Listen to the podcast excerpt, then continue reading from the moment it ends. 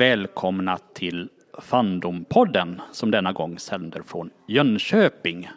Jag är Carl-Johan Norén och med mig har jag Daniel Lindqvist. och idag sitter vi inte nere i inspelningsstudion utan vi har gått upp en trappa och är utanför GOB Syd. Gameboard and Broadsword heter de och det är en bräd och rollspelsförening som finns här i Jönköping och som också finns här i Kulturhuset. Vi har en vidunderlig utsikt över Vättern härifrån, även om vi har järnvägen mellan oss. Så vi ska vandra in till dem. Så, vi är här inne och det finns Just nu pågår det minst en, två, tre, fyra, fem olika spelsessioner samtidigt. Och här har vi två personer som spelar War Machine mot varandra och ni heter? Eh, Peter Alsén. Martin Johansson. Jag har förstått att ni är lite arrangörer och här av turneringen eller av eh, ledande ledare för GOB. Det st- stämmer bra att vi är arrangörer av det här, men vi sitter inte i styrelsen för föreningen. Men eh, just när det kommer till figurspel som, ja, som inte är Infinity egentligen, så sysslar vi lite med det här. Främst War Machine Hordes. Så idag är det en turnering här. Det stämmer bra, absolut. Det är en turnering. Vi var 16 stycken, men det blev en del avhopp, så vi är faktiskt bara 10 just nu. Men det känns helt okej. Okay. Det blir lite mysigare stämning ju färre man är. Mer gemytligt sådär. Okej. Ja, lycka till till er båda två nu i turneringen.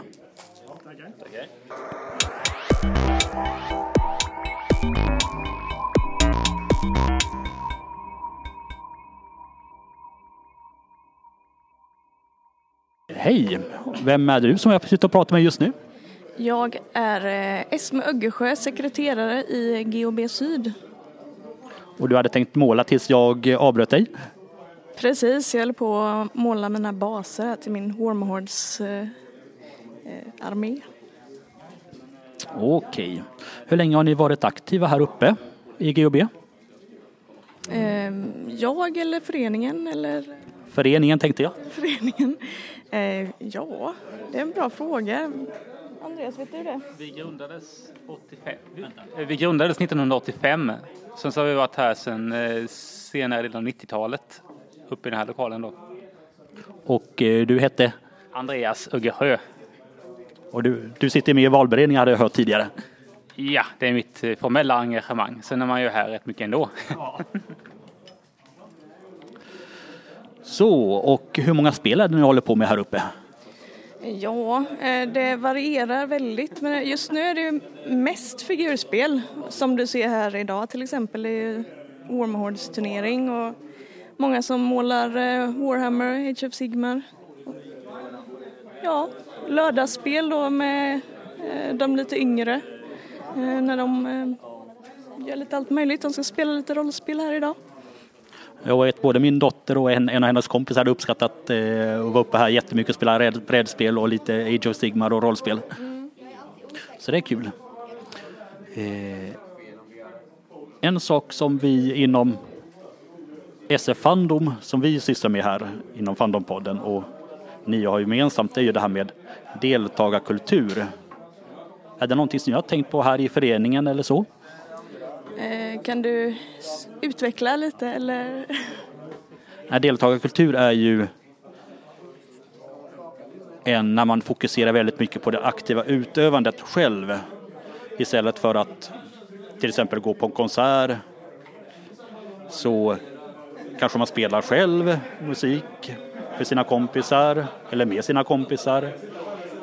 Eh, inom spelvärlden eh, på det extrema, mest extrema är väl lajvandet egentligen.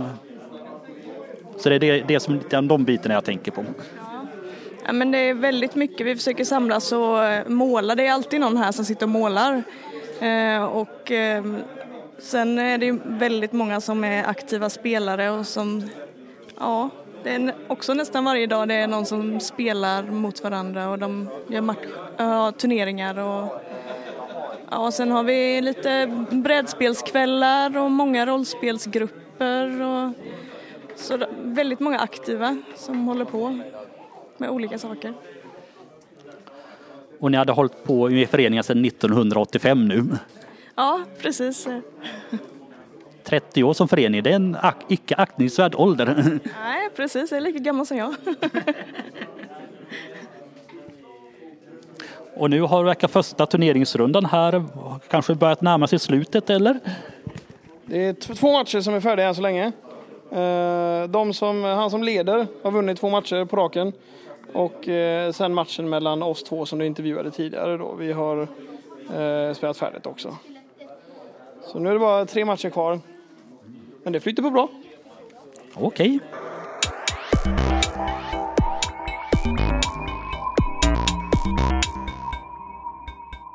En sak som eh, ni håller på med här är tydligen då en liten rollspelsverkstad. Vad innebär det?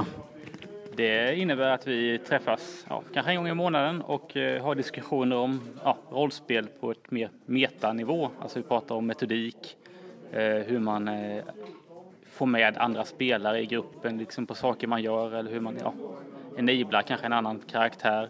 Eller hur man ger spelledaren liksom någonting att spela, spela på.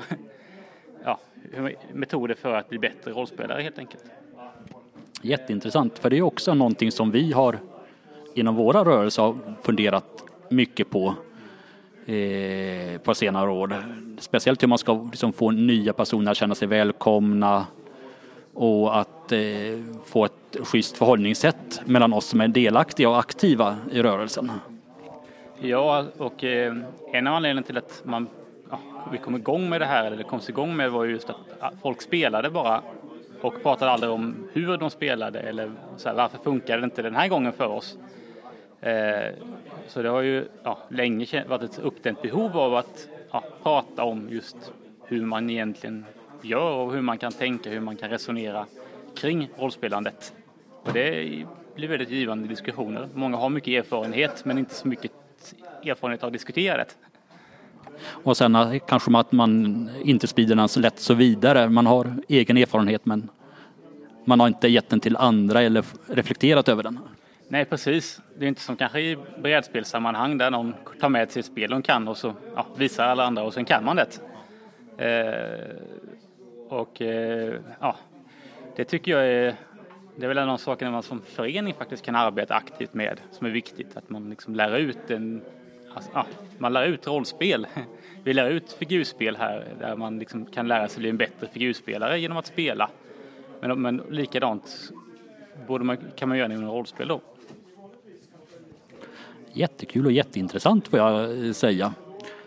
Och eh, jag ska ta, fundera lite på det här. Eh, en sak som vi, eh, nu kommer vi in på den här med världskongressen i Helsingfors nu i höst, vår.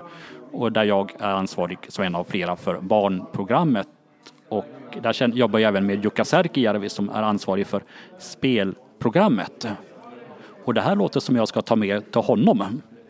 Ja visst, det är ju eh, också ett sätt man kan, olika kulturer kan mötas eller att man kan träffa andra som har en helt annan bild av det. Vi vet ju att eh, amerikanerna och eh, skandinaverna inte alls spelar rollspel på samma sätt. Eller den dominerande inom olika olika, inom olika, län- olika världsdelarna skiljer sig vad man spelar och hur man spelar. Eh, och att det är också sånt man, ja, olika kul- kulturer kan mötas och diskutera. För jag, alltså jag har bara spelat rollspel några få gånger här i Sverige och det var jättelänge sedan på 80-talet. Eh, så vad är din uppfattning om skillnaden mellan svenskt och amerikanskt rollspel? Ja, eh, vi har ju, det finns ju några olika genre inom rollspel. Eh, I USA är den här gamistiska kulturen väldigt stark, alltså typ Dungeons and Dragons där man har en tydligt definierad eh, liksom, figur. Du kanske till och med har ett spelbräde där du rör runt dina rollspelskaraktärer på och spelar. Eh, den är jättestark där. Medan i Sverige har man kanske under rätt lång tid varit väldigt dominerad av simulationistiska rollspel. Där det viktiga är att simulera verkligheten, eller liksom att det ska vara trovärdigt. Eh, så har man, delar man upp gruppen på två ställen och det är viktigt att rätt tid har förflutit mellan dem. Och sånt, ja. Eh, man eftersträvar en realism snarare. Eh, sen finns det också en narrativistisk kultur. Och det, där kanske Sverige har, och både Sverige och USA har haft olika, har inslag av i vissa kulturer. Där är det berättelsen som är fokus. Det är min, jag som spelare och min karaktär, den är bara bra till att föra berättelsen framåt snarare än att vara bra i sig själv. Karl Bergström är ju en av ja, svenska forskare som har kollat mycket på rollspelskultur. Exempelvis då, det finns ju fler.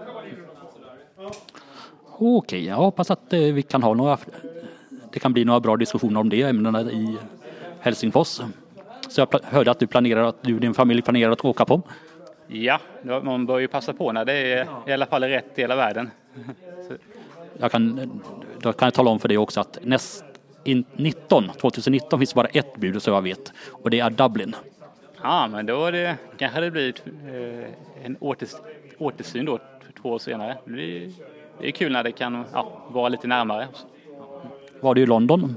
Nej, jag var inte det. det eh, men jag är... Det är ju, ja, jag brinner rätt mycket för science fiction liksom, i mitt privatliv, eller om man säger så, eh, och även min yrke som bibliotekarie. Eh, så att just ja, åka på det här känns som, en, ja, som någonting stort. Det kan jag förstå. Vi hade pratat lite, vi hade pratat lite om Charles Stross och Alistair Reynolds och Steven Baxter tidigare också. Så jag förstår att du var inläst på genren. Ja, och eh, Hannu Rajaniemi också, speciellt då när man åker till Finland. Det är ju en, ja, eh, även om man kanske inte bor där längre. Men det finns mycket. Eh, Skandinavien har bidragit med en del intressanta tillskott också. Det, jag hoppas på att den svenska kulturen kan stärkas och frodas. Jo, det hoppas jag också. Eh, när vi ändå är inne på det med världskongressen här. Eh, vi har ju Janna Sinnesalo, finsk hedersgäst, Johan Henry Holmberg, svensk hedersgäst, andra svenska någonsin som varit gäst på en världskongress. Och sedan Nolle Hopkinson. Det är eh, Nolle Hopkinson, det är eh, Walter John Williams och den sista är Claire Wendling. Så var det ja. Nu kommer jag, jag kommer ihåg alla hedersgästerna. Och sen Karen Lord som toastmaster och Ian Stewart som vetenskapshedersgäst. Hur verkar den eh, listan? Jo då, den, är, den är, känns bra och det lockar säkert mycket folk. Eh, en svensk hedersgäst är ju stort och det är även roligt att en översättare får den här uppmärksamheten. Han har ju bidragit väldigt mycket med ja, till att få folk i Sverige att läsa eh, science fiction och även ja, det, inom de, de genrerna då. Och det är viktigt att lyfta upp också. Jo då, fast han var den andra svenska hedersgästen på världskongressen någonsin. Den första var Lars-Olof, var Lars-Olof Strandberg för några år sedan. Som ren fan-hedersgäst då.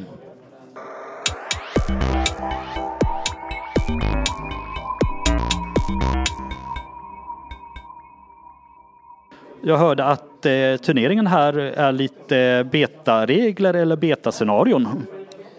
Ja, precis. Privateer Press har ju släppt en, eh, någonting som de kallar CID, som är Community Integrated Development, som gör att de släpper ut sitt scenariopack då, som de släpper varje år. Så släpper de ut det på nätet så vi får speltesta det och komma med feedback då under 5, 6, 7 veckor, något sånt. Och sen i sommar så släpps det officiellt när de då har kollat igenom hela communityns feedback och ändrat det som behöver ändras. Så varje vecka släpper de en ny variant där de kommer med lite ändringsförslag. Liksom. Och då tänkte vi att då arrangerar vi en turnering med detta och så får vi komma med så mycket feedback vi kan. Helt enkelt. Roligt. Och eh, vad är det för eh, sak? Är det någonting ni så tänker på när ni gör turneringen eh, på det där? I början, i och med att vi la ut turneringen innan, så folk kunde anmäla sig innan vi bestämde oss för att det skulle vara den här eh, betatesten. Så frågade vi ju alla och då var det ju några som sa nej. De vill spela det gamla och de, men de flesta sa att ja absolut, det är klart vi testar det nya. Men annars är det inte så mycket mer att fundera på. Utan det är mest eh, testa på. Det blir lite regelfrågor och sånt och då får vi alla gemensamt kolla vad är, vad är det nu det nya som gäller. Så det är lite mer pyssel för er som arrangerar?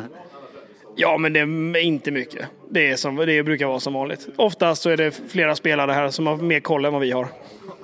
Okej, men då är det nya regler och inte så själva. Är det regler eller scenario som ni håller på att testa mest då? Det är bara scenarion. Så varje år kommer det turneringspack då som man ska spela hela året. Eh, och då är det 2017 som de nu håller på att betatestar fram till sommaren när det släpps på deras största turnering. Lock and load. I sommar, det är det va? Ja. Eh, så då släpper de det officiellt. Okej. Och eh, får ni någon cred sen för det där på något sätt? Vad sa du? Får ni någon cred sen för det där på något sätt? Det vet inte fasen. Man, en, en av eh, vad heter det, de som är eh, vad heter det? Organized Play-människor har ju, som jobbar på företaget då. William Hungerford har skrivit till mig på Facebook och sagt bra jobbat typ. När, vi, när jag sa att jag ville arrangera turneringar med detta. Det, det är typ det man får. Okej, det är inte mer än så egentligen. Ungefär som när man betaläser böcker då. Som jag, som jag gör. Så hur mycket av eh, turneringen har klarat av hittills? Det kan vara så att det här blir sista matchen. Eh, längst ner på hörnan där spelar David och David Gustafsson och Dan Alf. Längst ner i hörnet här. Och eh, den som vinner av dem kan vinna turneringen. För de har gått obesegrade än så länge. Men det bygger på att Leidemark som sitter här i det stora skägget att han förlorar. Om han förlorar så är det vinnaren där borta som vinner. Men om han vinner då blir det en match till för då kommer han möta vinnaren där borta. Som en sista final. Precis.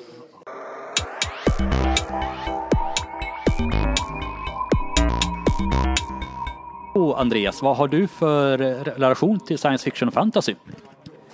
Ja, det började väl eh, ja, eh, på högstadiet kan man tänka mig. Eh, man fick tag på någon Eddings bok, läste den i omvänd ordning, serien, för att det var enda som fanns.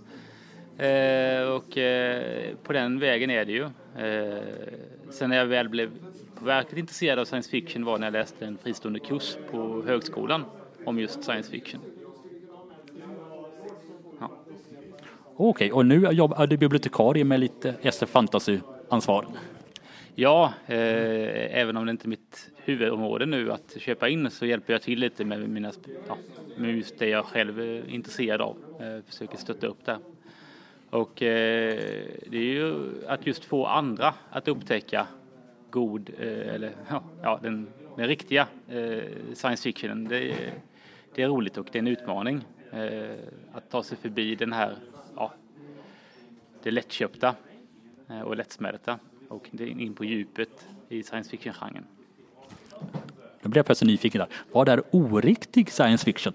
Oh.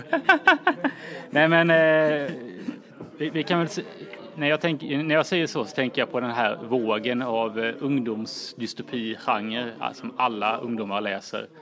Eh, rätt så, ja, berättelserna går igen. Det ja, kanske inte så mycket fokus på det jag tycker är intressant med typ eh, ja, sociala, sociala problem, eh, utmaningar, världsbildsidéer och, och ja, teknik i science fiction.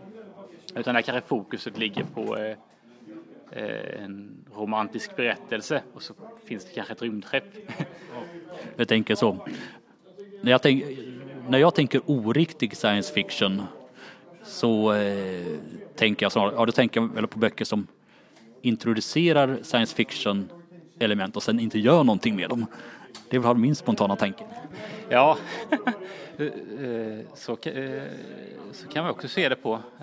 Det finns ju det, det som, ja, det, det som var utmaningen är väl att det varit så stort med liksom dystopiberättelsen. Det har varit så lätt att för författare ja, internationellt att slå igenom som författare till unga, unga vuxna med just, man skapar en dystopiberättelse, man tar lite som Hungerspelen och så gör man om lite och så bara trycker man ut det och så får man något stort förlag som backar det så trycks det ut till hela världen och så läser alla det.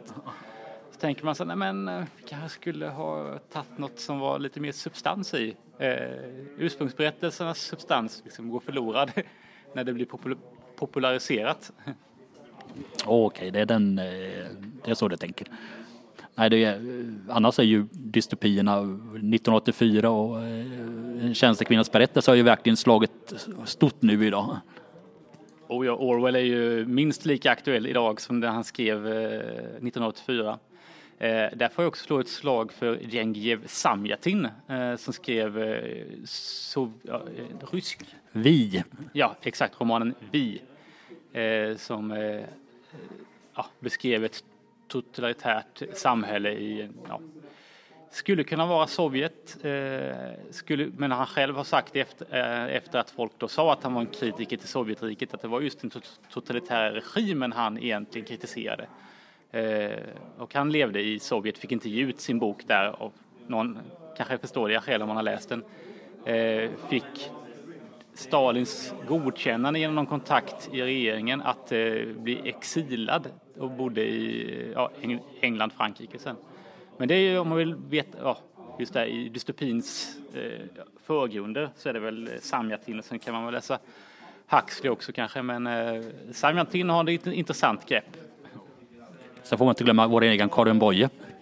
Absolut och även eh, Ja, absolut. Eh, och det skrevs ju en fortsättning på hennes eh, roman av en svensk författare för några år sedan. Kom, har inte henne i huvudet just nu. ja, det får jag kolla upp faktiskt, även om jag inte själv är så jätteintresserad. Men eh, det vore intressant. Det är kul, i alla fall kul att ta reda på när vem det nu var.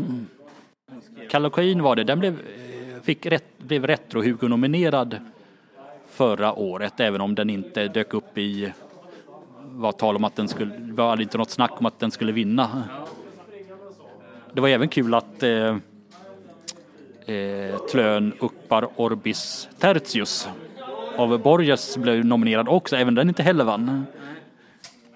Men det var ju, det var ju de här riktigt superlitterära berättelserna där som nu har vi tagit reda på vad den här uppföljaren till Kalle Queen heter.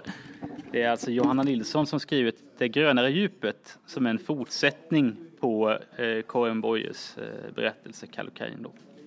Eh, och det är ju att jag tycker det är ett roligt, eller intressant nu när väl liksom de gamla klassikerna har varit med så länge att nya författare tar sig an liksom och ja, introducerar någonting mer till det universumet eh, och bygger vidare på de gamla. Eh, och, ja, och där har vi upphovsrättsproblematiken som lever kvar väldigt länge. Alltså det tar så lång tid innan en författare som har varit död eh, kan, ja, deras världar kan byggas på utan att det ska bli upphovsrättskonflikter eller dyra, ja, fördyrande processer som gör att projekten inte blir av. Eh, ser man ju på Lovecraft, H.P. Lovecraft som ett tydligt exempel. Eh, nu när han har blivit fri så är det många författare som popul- spinner vidare på hans idéer och värld. Fast det har hon ju givit sig ut eh, länge. Däremot, eh, och det är en sak som är, har varit eh, märkts inom SF-genren nu på sistone. Man har pratat om att den har kanske blivit lite navelskådad. Man måste ha läst en stor del av de gamla klassikerna för att förstå en del av den nyare science fiction. Och det har varit en del, en del författare har ju liksom haft en, haft en reaktion, till exempel John Scalzi som skriver väldigt så visserligen står det i dialog med den gamla science fiction, men som ändå är gjort för att vara lätt att ta till sig som förstagångsläsare. Det är ju en viktig utmaning för våra författare idag, alltså att inte bli för kära i de, det de läste när de var små eller yngre. Eh, utan faktiskt tänka på att deras publik kanske är någon som inte läst science fiction innan. Eller att de åtminstone ska få lika mycket ut av det som den som kanske ser vissa av guldkornen. Eh, och att det gamla inte får för stor del av berättelsen. Eh, så det är ju, ja, det är ju viktigt för författarna för att fortsätta vara aktuella. För att det kommer bli ännu svårare för någon som ska ta sig in liksom, i framtiden om man fortsätter bygga vidare på det här på det här sättet. Eller så tänker jag på de här äh, gamla SF-fansen och läsarna som anser att det, alla bokrekommendationslistor ska börja sluta med Heinlein. Ja, det är lite som när man inom fysik måste ha citerat eh, Einstein för att få en godkänd artikel. och eh, jag gillar Heinlein men jag har läst jag, det är väl inte den författare jag helst skulle vilja pracka på en person som är 11, 12, 13 år idag. Nej, det är ju ett, eh, jag har läst Starship Trooper eller Stjärnsoldaten som i alla fall en av översättningarna hetat. Eh, efter att ha sett filmen då och insåg att de inte hade så mycket med varandra att göra. Men eh, det är något, verkligen inte någonting för den, ja, för den nya. Den måste, man måste ha lite gateway-litteratur som, eh, som vi kallar det ibland. För att ta sig in på det, ja, det, det tunga senare. Eller lite tyngre. Och det har också funderat, alltså, nu, nu var det länge sedan jag läste Starship Trooper själv, men det som eh, slog mig när jag läste om Double Star, dubbelstjärna för inte så länge sedan var också hur eh, ifall man eh, ska könsrollsmässigt och eh, intrigmässigt känns den gammal helt enkelt. Även om det är fortfarande en bra roman men den... Ja, och det kan man ju se även i Starship Trooper om man jämför med den populära filmatiseringen så här, i boken var ju det här könsuppdelningen var ju väldigt strikt liksom på rymdskeppen till exempel. Kvinnorna och männen fick inte ens träffa varandra. Medan i den filmen som kom klart senare, där eh, hade man med ett unisex-samhälle eh, eh, som man kanske tänker sig en framtid idag där just jämställdhet och könsroller är lite mer ut, ja, hade man är klart mer jämställda än vad han beskrev det på sin tid. Men han var ju också fast i hur man tänkte på den tiden, även om han ville beskriva framtiden. Även om Heinlein hade, hade tydligen en, han har eh, en eh, forskarvän och fann Farah Mendelssohn. Hon eh, närstuderade ett antal SF-författare just med hänseende till kön på syn. Eh, Le Guin var en av författarna hon studerade Heinlein var en annan. hon sa att den enda författare som verkligen ändrade synen på könsrollerna under den här perioden. Allihopa utvecklades lite grann men det var liksom fortfarande i samma riktning som de var. Men Heinlein ändrade synsätt åtminstone tre gånger helt och hållet under den här perioden. Så det är lite, så ur den aspekten så är Heinlein värd att studera. Och det går att se kvinnor i hans böcker till, till, till skillnad från till exempel Asimov eller Arthur C. Clarke. Ja visst, och det är det, är det som... Eh, alltså, där är det viktigt för att locka en, alltså en, en kvinnlig publik till science fiction. Det måste finnas personer att identifiera sig med eh, som inte är liksom stereotypa manliga förebilder. eh, li, Likaså att det ger mycket till berättelsen att problematisera och resonera kring könsroller då om man nu är ute efter det. Och jag vet själv med min eh, dotter, vår först, det är nästan, under lång tid var det hennes enda, främst viktigaste fråga vad gäller eh, bokrekommendationer och filmer var liksom, är det en tjej eller tiden? Ja, och då är svaret nej, men det finns en kvinna med, men hon, det, filmen klarar inte Bechdel-testet, ja. den heller. nej. så är det.